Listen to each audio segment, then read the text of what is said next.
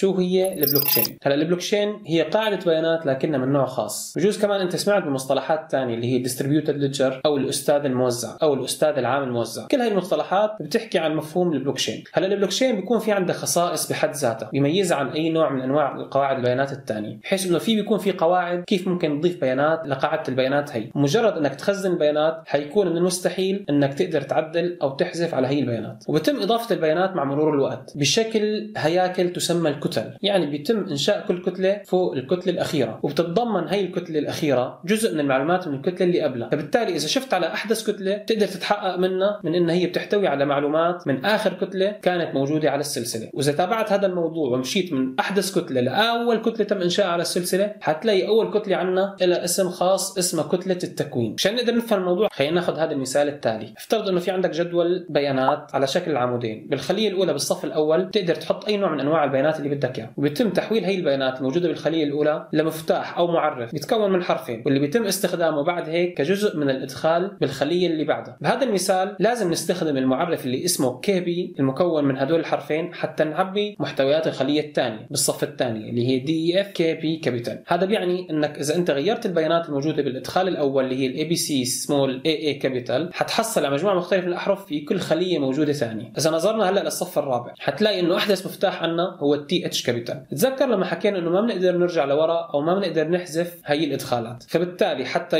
يكون اسمها هي بلوكشين وينطبق عليها هي قواعد البلوكشين فلنفترض إن أنت قدرت تغير البيانات الموجودة بالخلية الأولى. فبالتالي أنت حتحصل على معرف مختلف غير ال KB capital هذا بيعني إنه الكتلة الثانية حيكون فيها بيانات أيضا مختلفة وبالتالي حيؤدي فينا لمعرف مختلف كمان للصف الثاني. هيك حتى يكون في عندنا معرفات مختلفة لكل الصفوف الموجودة بالجدول. هلأ ال TH بجوهرها هي نتاج جميع المعلومات اللي إجت قبلها. هلأ بيجي السؤال كيف بيتم ربط هي الكتل بين بعضها؟ اللي ذكرناه قبل شوي مع المعرفات اللي حكينا عنها اللي هي مكونة من حرفين وهو تشبيه مبسط كيف بتشتغل البلوكشين في عندنا شيء اسمه ال hash function. وال hashing هو بدك تعتبره هو الغراء اللي بيربط كل هي الكتل بين بعضها. بيصير من إنك تاخذ البيانات الموجودة بأي حجم وتمررها ضمن function معين تعطيه هي ال data هو يعمل لها معالجة اللي هي ال hashing ودائما بيطلع لك النتيجة بنفس الطول. بيعتبر ال hashing المستخدم بسلاسل الكتل شغلة كتير مهمة بحيث إنه احتمالات إنك تلاقي قطعتين من البيانات عم تعطيك نفس الناتج هي نسبة منخفضة إذا ما كانت مستحيلة. هلأ مثل المعرفات اللي حكيناها قبل شوي ال KB أو ال TH تعديل ولو كان بسيط على هي البيانات المدخلة حتلاقي حيعطينا مخرجات مختلفة تماما. وشوف معي مثال على هي الشاشة. وخلينا نوضح باستخدام ال SHA 256 هي الخوارزمية الرياضية للتشفير المستخدمة بالبيتكوين. مثل ما عم تشوف بس إذا غيرنا الحرف ما بين حرف صغير وحرف كبير هذا كافي ليعطيك خليط جديد كامل وناتج مختلف تماما عن الناتج اللي قبله. هذا بيعني إنه كل كتلة ممكن تأشر لهي الكتلة اللي قبلها من خلال تضمين ال hash function تبعها. وحتطلع عنا ومباشره إذا تم تغيير أي محتوى محتوى البيانات مباشرة حيكون ال hash مختلف فبالتالي ما راح تنضاف هي الكتلة على الكتل اللي قبلها. يعني أنت بتمسك كل كتلة بتحولها كلياتها لرمز hash. فبالتالي هذا الرمز عم يحتوي كل المعلومات لكل الكتل القديمة اللي صارت قبلها. وأي تغيير بأي كتلة بأي مكان بالسلسلة حيولد عنا هاشات مختلفة. تماما عن الهاشات اللي عم نتعامل فيها هلأ. وهلأ بنيجي لنقطة البلوكشين وفكرة اللامركزية. هلأ حكينا نحن الهيكل الأساسي للبلوكشين. بس لما تسمع أشخاص مثلا عم. عم يحكوا عن تقنية البلوكشين من المحتمل انه ما عم يحكوا عن بس البيانات ولكن عم يحكوا عن الأنظمة المبنية حوالين البلوكشين. هلأ وباعتبار هياكل البيانات هي كلياتها قائمة بحد ذاتها فالبلوكشين مفيدة بشكل كبير بالتطبيقات المتخصصة اللي بتنبنى عليها. بحيث هي الأمور بتصير أكثر أهمية لما تستخدمها كأدوات للأشخاص اللي ما بيعرفوا بعض حتى ينسقوا العمل بينات بعض. صار في بين إيديهم آلية تحقق بتقدر تكشف أي محاولة للتزوير حتى لو كان الشخص ما بتعرفه لكن هو مجرد ما أعطاك ال hash الصحيح فبالتالي أنت تثق فيه. لأنه الناتج اللي عم يعطيك إياه لا يمكن إنه يكون إلا متطابق مع اللي بدك إياه أنت. هلأ أو يمكن إنه تشتغل البلوكشين كسجل للأستاذ الموزع اللي هي ال distributed ledger اللي ما بيتحكم فيه حدا. وهذا بيعني إنه ما في حدا عنده القدرة على إنه يعدل الإدخالات خارج قواعد النظام المفروض. يعني إنه ممكن تقول إنه دفتر الأستاذ هذا مملوك للكل وبنفس الوقت والكل بيقدر يوصلوا لاتفاق حول شكل هذا الدفتر وبأي لحظة. هلأ بيطلع عنا هون تحدي حقيقي اللي بوقف في طريق هذا النظام. هو تحدي تم وصفه بمشكلة الجنرالات البيزنطيين وهي مشكلة تم تصورها بالثمانينات وهي بتحكي عن مشكلة انه المشاركين المعزولين كيف ممكن يلاقوا طريقة إنه يتواصلوا بين بعض حتى ينسقوا أدوارهم بيناتهم. وفكرة الجنرالات البيزنطيين بيقول لك إنه في مجموعة من جنرالات الجيش اللي كانوا عم يحاصروا مدينة معينة وهدول الجنرالات قرروا إنه يهاجموا هي المدينة. وممكن هدول الجنرالات إنه يتواصلوا فقط عبر الرسول. وكل واحد بده يقرر إذا كان حيهاجم أو حيتراجع. هلأ ما بهم إذا هن حيتهاجموا أو يتراجعوا. طالما إنه كلياتهم عم يتفقوا على قرار مشترك. إذا قرروا الهجوم فما راح ينجحوا إلا إذا تحركوا بنفس الوقت. كيف ممكن نضمن إنه هن بيقدروا يعملوا هذا الشيء وينسقوا بين بعض؟ هلأ بكل تأكيد هن حيتواصلوا بين بعض عن طريق المراسلة. لكن في حال تم اعتراض هذا الرسول برسالة إنه نحن سنهاجم عند الفجر وتم استبدال هي الرسالة بعباره نحن سنهاجم هذه الليلة. طيب لو كان واحد من الجيرالات أصلا هو عميل وصار يعمل تضليل للثانيين حتى يضمن إنه هن يخسروا فبالتالي نحن صار في عندنا حاجة أساسية إنه نستخدم استراتيجية يمكن من خلال التواصل إلى توافق ما بين كل الآراء بغض النظر أنت بتثق بالطرف الثاني ولا لا. هلأ حتى لو تحول المشاركين كلهم لعملاء أو تم اعتراض الرسائل وهون إجت فكرة إنه عدم القدرة على الاحتفاظ بقاعدة بيانات هو مو حالة حياة أو موت مثل مهاجمة المدينة بدون تعزيزات لكن نفس المبدأ عم ينطبق. إذا ما كان في مين عم يشرف على هي البلوكشين عم يعطي المستخدمين معلومات صحيحة فلازم إنه يكون المستخدمين كلهم قادرين إنه يتواصلوا بين بعض ضمن آلية معينة بتضمن إنه كل المعلومات اللي عم يتبادلوها بين بعض هي معلومات صحيحة. هلأ لنتغلب على الفشل المحتمل اللي هو من شخص واحد أو عدة أشخاص لازم نصمم آلية البلوكشين بشكل دقيق بحيث إنه هو يكون عنده مقاومة لهذا النوع من الاختراقات. وممكن نشوف بعد شوي كيف يتم استخدام خوارزميات الإجماع اللي هي consensus mechanism كيف هي بتقدر تطبق قواعد صارمة اللي بتضمن عمل البلوكشين للمستخدمين. وإذا حاب تعرف أكثر عن خوارزميات الإجماع في فيديو حكينا فيه ممكن يطلع هلأ أنا عم أحكي معك بزاوية الشاشة فوق. هلأ بيجي السؤال طب ليش بتحتاج البلوكشين إنها تكون لا مركزية؟ هلأ أكيد أنت بتقدر تشغل البلوكشين بنفسك وتكون أنت مركزي تماما. لكن حينتهي معك الموضوع بقاعدة بيانات غير مفيدة مقارنة بالبدائل الموجودة حاليا اللي هي قواعد البيانات المركزية. فبالتالي أنت بتقدر تستغل الإمكانيات الحقيقية ببيئة لا مركزية. يعني بيئة بيتساوى فيها جميع المستخدمين. بهي الطريقة ما بتقدر لا تحسف البلوكشين أو ممكن تستولي عليها بشكل ضار. وهي حتكون مصدر واحد للمعلومة لأي شخص بده يستخدمها. هلأ بيجي عندنا سؤال شو هي شبكة الند للند؟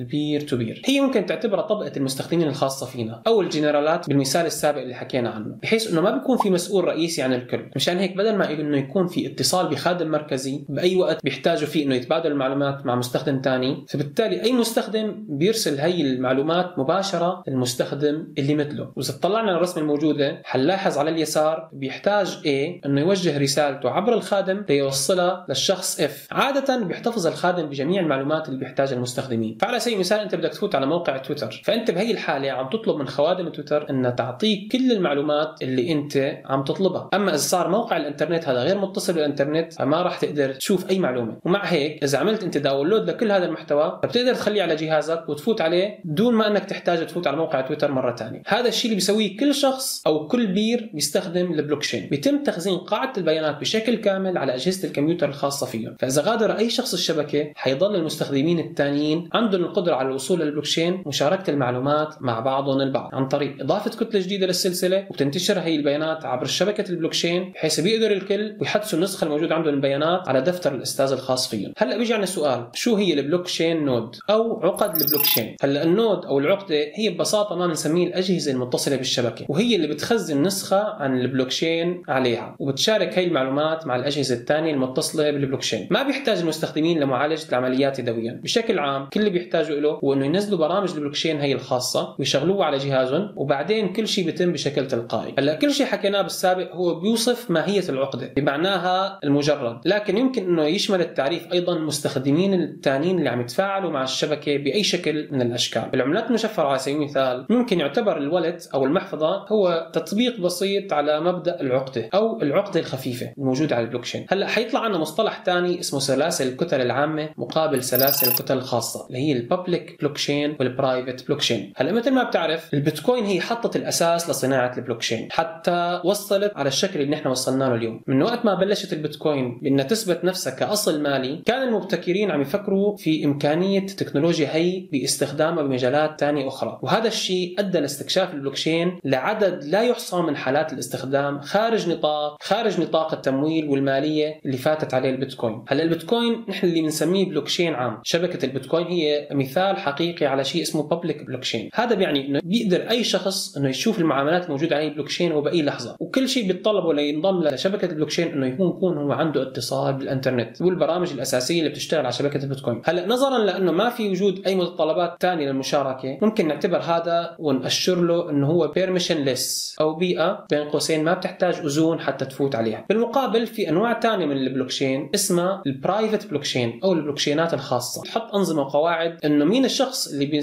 بينسمح له إنه يشوف هي البلوكشين ويتفاعل معه. وعلى هذا الأساس هذا بيأكد إنه هي بيئات مرخصة لجهات خاصة. وهي بتحتوي على بعض التطبيقات المهمة بشكل أساسي في ال setup تبع المؤسسات. يعني أنت ممكن تعمل شركة قائمة لتبادل المعلومات على تقنية البلوكشين. ولو أنت ما بدك تنشر هي البلوكشين للعلن لكنك أنت استخدمتها داخل الشركة الخاصة فيك. هلا بيجي السؤال كيف بتتم المعاملات على البلوكشين حناخذ مثال في عندي مثلا أليس بدها تعطي فلوس لباسم عن طريق التحويل المصرفي التقليدي. فبالتالي هي راح تخبر البنك تبعها ولنفترض إنه الاثنين بيشتغلوا على نفس البنك مشان نبسط الموضوع. بالتالي البنك حيتحقق إنه أليس عندها الأموال الكافية حتى تتم هي المعاملة قبل ما تجري المعاملة على الحساب. بعد ما يتأكد من هذا الشيء حيضيف مثلا لرصيد باسم 50 دولار وينقص 50 دولار من رصيد أليس. هذا الموضوع ما بيختلف بشكل كبير عن اللي بيصير بالبلوكشين لأنه البلوكشين هي بالنهاية هي قاعدة بيانات. الاختلاف الرئيسي هو إنه ما بيكون في طرف واحد عم يعمل هي عمليات التحقق وعم يحدث هي الارصده وإنما هي كل العقد لازم تشترك بعمل هذا الشيء مع بعض. فمثلا إذا أليس بدها ترسل خمس عملات بيتكوين لباسم بالتالي تبعت رسالة تحكي للشبكة هذا الشيء. وما بيتم إضافتها على البلوكشين مباشرة وإنما حتشوفها العقد المشاركة بهي البلوكشين. لازم يكملوا كل الإجراءات الثانية حتى يتم تأكيد المعامله ومجرد إضافة هي المعاملة للبلوكشين حيقدر كل العقد انها تشوف إنه تم إجراء هي المعاملة. حيعملوا على تحديث نسختهم من البلوكشين الموجودة عندهم. وبالتالي هلأ ما بتقدر أليس ترسل خمس عملات بيتكوين لشخص ثاني ويطلع عنا مشكلة الإنفاق المزدوج ال double spending اللي حكينا عنها بفيديو سابق. لأنه الشبكة حتعرف إنه هي أنفقتها بمعاملة سابقة. هلأ ما في عندنا مفهوم اللي هو ال username وال password لما نتعامل مع البلوكشين. وإنما في عندنا شيء اسمه مفتاح التشفير العام لإثبات ملكية الأموال اللي هو ال public key. يعني لتقدر تستقبل أموال أنت بالبلوكشين لازم تفتح حساب. شو هو هذا الحساب؟ مثلا بيحتاج باسم إنه ينشئ شيء اسمه ال private key تبعه اللي هو المفتاح الخاص. هلا هو مجرد رقم عشوائي طويل مستحيل أي شخص يقدر يخمن شو هذا الرقم. لكن إذا هو خبر أي شخص بمفتاحه الخاص فعنده القدرة إنه يثبت ملكيته لهي الأموال وبالتالي ينفقها بالشكل اللي بده إياه. لذلك من المهم إنه مفتاحك الخاص يبقى بشكل آمن وسري. هلا شو ممكن يقدر يعمله باسم؟ هو إنه يشتق مفتاح عمومي اللي هو ال public key من مفتاحه الخاص من ال private key تبعه. وهذا بعد هيك بيقدر يعطي هذا المفتاح العام اللي هو ال public key لأي شخص لأنه من المستحيل إنه هو يقدر أي شخص يعمل هندسة عكسية على المفتاح العام حتى يقدر يطلع المفتاح الخاص. وبمعظم الحالات بيسووا الإضافة للمفتاح العام اللي هو ال public key بيعملوا له hashing مرة ثانية وبيطلع عنا شيء اسمه ال public address اللي هو العنوان العام. وبالتالي هو راح يعطي أليس العنوان العام تبعه حتى أليس تعرف لوين بدها ترسل هي الأموال. وبالتالي هي بتعمل معاملة بتقول إنه هي بدها تدفع هي الأموال للعنوان العام هذا. بعد هيك هي بدها تثبت للشبكة هي ما عم تحاول إنه تنفق أموال مو إلها. فبالتالي هي بتعمل على إنشاء توقيع رقمي باستخدام المفتاح الخاص اللي هو البرايفت كي وبالتالي بيقدر أي واحد أخذ رسالة أليس الموقع من خلالها ويقارنها بالمفتاح العام تبع أليس. لأنه مثل ما حكينا المفتاح العام هو مشتق من المفتاح الخاص. وبيقدر يتأكد 100% إنه هي إلى الحق إنه تدفع هي الأموال ترسلها لباسم طيب مين اخترع كل هالتقنية وكل هذا التعقيد؟ هلأ البلوكشين أخذت الطابع الرسمي وظهرت للعلن بال 2009 لما طلعت البيتكوين اللي هي أول وأشهر بلوكشين سمعنا فيها وما زالت. تبع منشئها اللي تحت اسمه المستعار ساتوشي ناكاموتو هو استوحى واستلهم البلوكشين من تقنيات واقتراحات كانت موجودة بالسابق. تستخدم البلوكشين بشكل كبير وظائف ال hashing والتشفير واللي كانت موجودة من عشرات السنين قبل ما إنه تصدر البيتكوين. الشيء بالفعل ممكن يكون مثير للاهتمام إنه بنية البلوكشين بترجع لأوائل التسعينات وكان استخدامها فقط يستخدموها كطابع للوقت على المستندات بحيث إنه ما بيقدر أي حدا يغير الوقت الموجود على هذا المستند هو ال time stamp. هلا نجي لإيجابيات وسلبيات تقنية البلوكشين. ونبلش هلا بالإيجابيات. أكثر الفوائد اللي ممكن تعتبرها بشكل مباشر على موضوع البلوكشين اللي انذكرت بال white paper الخاصة بالبيتكوين ان هي بتقدر تحول المدفوعات دون إنه ما يكون في وسيط مشترك بالنص. وهذا يعتبر لحاله ثورة هائلة جدا بشكل العالم المالي. ولمسنا أثره خصوصا بالسنتين هدول. بعدين أخذت البلوكشين الثانية إنه يتم استخدامها لشغلات أكثر من هذا الموضوع. صار يسمح للمستخدمين إنه يبعثوا جميع أنواع المعلومات من خلال البلوكشين ليس فقط المعلومات المالية. يعني استبعاد الأطراف الثالثة اللي هي الضامنة وقلل المخاطر بشكل كبير للمستخدمين اللي بدهم يستخدموا هي التقنية. وبالتالي أكيد قللوا رسوم الاستخدام نظرا لعدم وجود وسيط عم ياخذ اقتطاع لهي العملية. مثل ما حكينا من قبل شبكة البلوكشين العامة اللي هي بتسمح لك تفوت عليها بدون أي شروط لعدم وجود أي شخص مسؤول عن هي الشبكة. فإذا كان بالإمكان إنه أي مستخدم محتمل إنه يستغ... يتصل بالإنترنت فبالتالي حيكون عنده القدرة إنه يتفاعل مع المستخدمين الثانيين ممكن بعض الناس يقولوا إنه أهم نوعية من أنواع البلوكشين هي اللي عندها القدرة وبيكون في عندها درجة عالية من إنها تكون مقاومة للرقابة حتى تقدر تعمل تعطيل للخدمة المركزية. فكل ما بيحتاجه الشخص اللي بده يكون ضار بالآخرين إنه هو يستهدف الخادم. لكن بشبكة النظير للنظير اللي هو الند تو ند أو ال peer to peer كل عقدة أو كل node بيشتغل كخادم خاص فيه. وهذا أحد إيجابيات البلوكشين يحتوي نظام مثل البيتكوين على أكثر من 10000 عقدة نقدر نشوفها لحد الآن منتشرة بجميع أنحاء العالم. وبالتالي من المستحيل تقريبا على أي مهاجم إنه يكون عنده موارد هائلة ليقدر يخترق ال 10000 node الموجودة حاليا. وهون ممكن أشر لموضوع كثير مهم إنه في كثير كمان من العقد المخفية. والمقصود بالعقد المخفية هي العقد اللي عم تشتغل على البلوكشين لكن هي ما استقبلت أموال من أي حدا. هي عم تقدر عم تحقق معاملات باستخدام ال private key تبعها لكن هي ما استخدمت public key تبعها فبالتالي هي لسه غير ظاهرة. هلأ السلبيات لاستخدامات البلوكشين. أكيد البلوكشين هي ما حل سحري لكل المشاكل. وأكبر مشكلة ممكن تواجهنا اللي هي موضوع التبني الجماعي للبلوكشين إنه عم يصير بشكل بطيء جدا. لأنه بما إنه نحن عم نحكي عن شبكة موزعة فبالتالي كل المشاركين لازم يكونوا في حالة تزامن بين بعض synchronization وبالتالي ما بتقدر تضيف أي معلومات جديدة بسرعة كبيرة. ليش؟ لأنه كل العقد ما راح تقدر تواكب هذا الشيء كله مع بعض إذا كان الموضوع بسرعة هائلة. مشان هيك المطورين بيميلوا إنه يقللوا من السرعة حتى يقدروا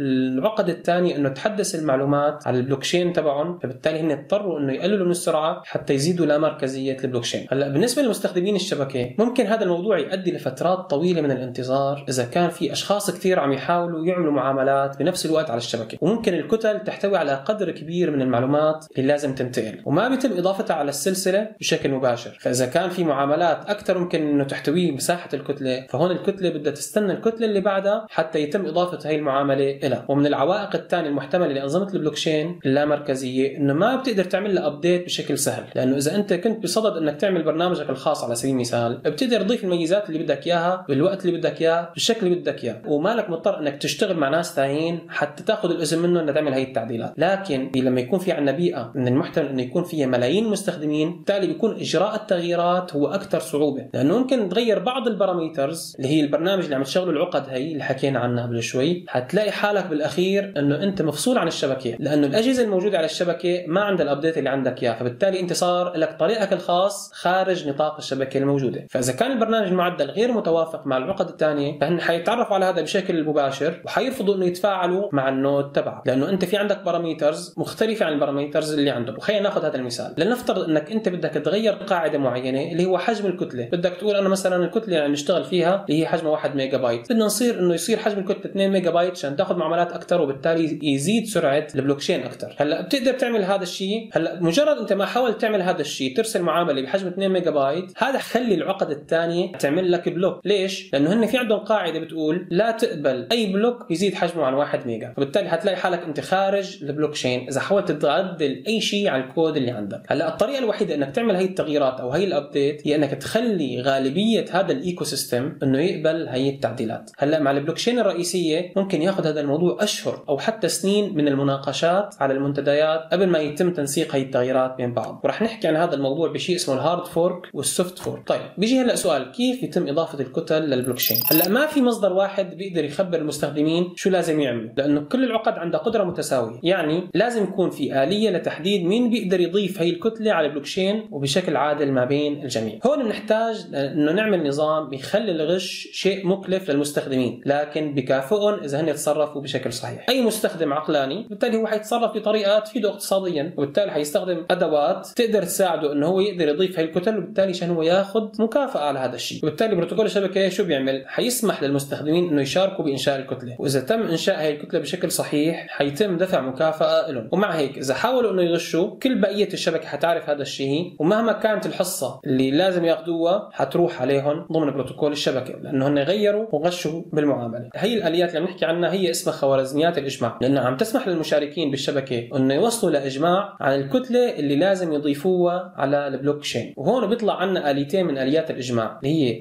اثبات العمل ال proof of work و proof of stake اللي هو إثبات الحصة. حكينا عن هدول الاليتين بفيديوهين حيطلعوا على الشاشة خلال حديثنا. أكيد إثبات العمل واثبات الحصة هو الخوارزميات الأكثر شيوعا لكن في كثير من الخوارزميات الثانية وبعضها بيجي خليط وهجين من هدول النظامين مع بعض. وبعضهم له طريقة مختلفة تماما. ما راح نحكي عنها بهذا الفيديو لكن إذا أنت كنت مهتم خليك مشترك بالقناة وفعل الجرس لأنه راح نحكي فيها فيديوهات مستقبلية إن شاء الله. هذا كل شيء اليوم. خليني أعرف رأيكم بالتعليقات. مثل ما عم تشوفني اليوم على الفيديو بحب إقول لك إنه بتقدر تسمعني على البودكاست. وإذا بتحب تضل على تماس مباشر بآخر وأهم أخبار العملات المشفره فلازم تشترك بقناة التليجرام لأنه كل يوم في نشرة إخبارية بأهم العناوين بعالم العملات المشفره وإذا حاب تعرف تعليقي على بعض الأخبار فالتويتر هو مكان مناسب إنه نلتقي فيه. أخيرا إذا عجبك المحتوى خليني أعرف من خلال زر الإعجاب. ولا تنسى إنك تفعل الجرس لأنه لسه في كثير فيديوهات مثل هذا النوع على الطريق. اشوفكم على خير. في أمان الله. والسلام عليكم.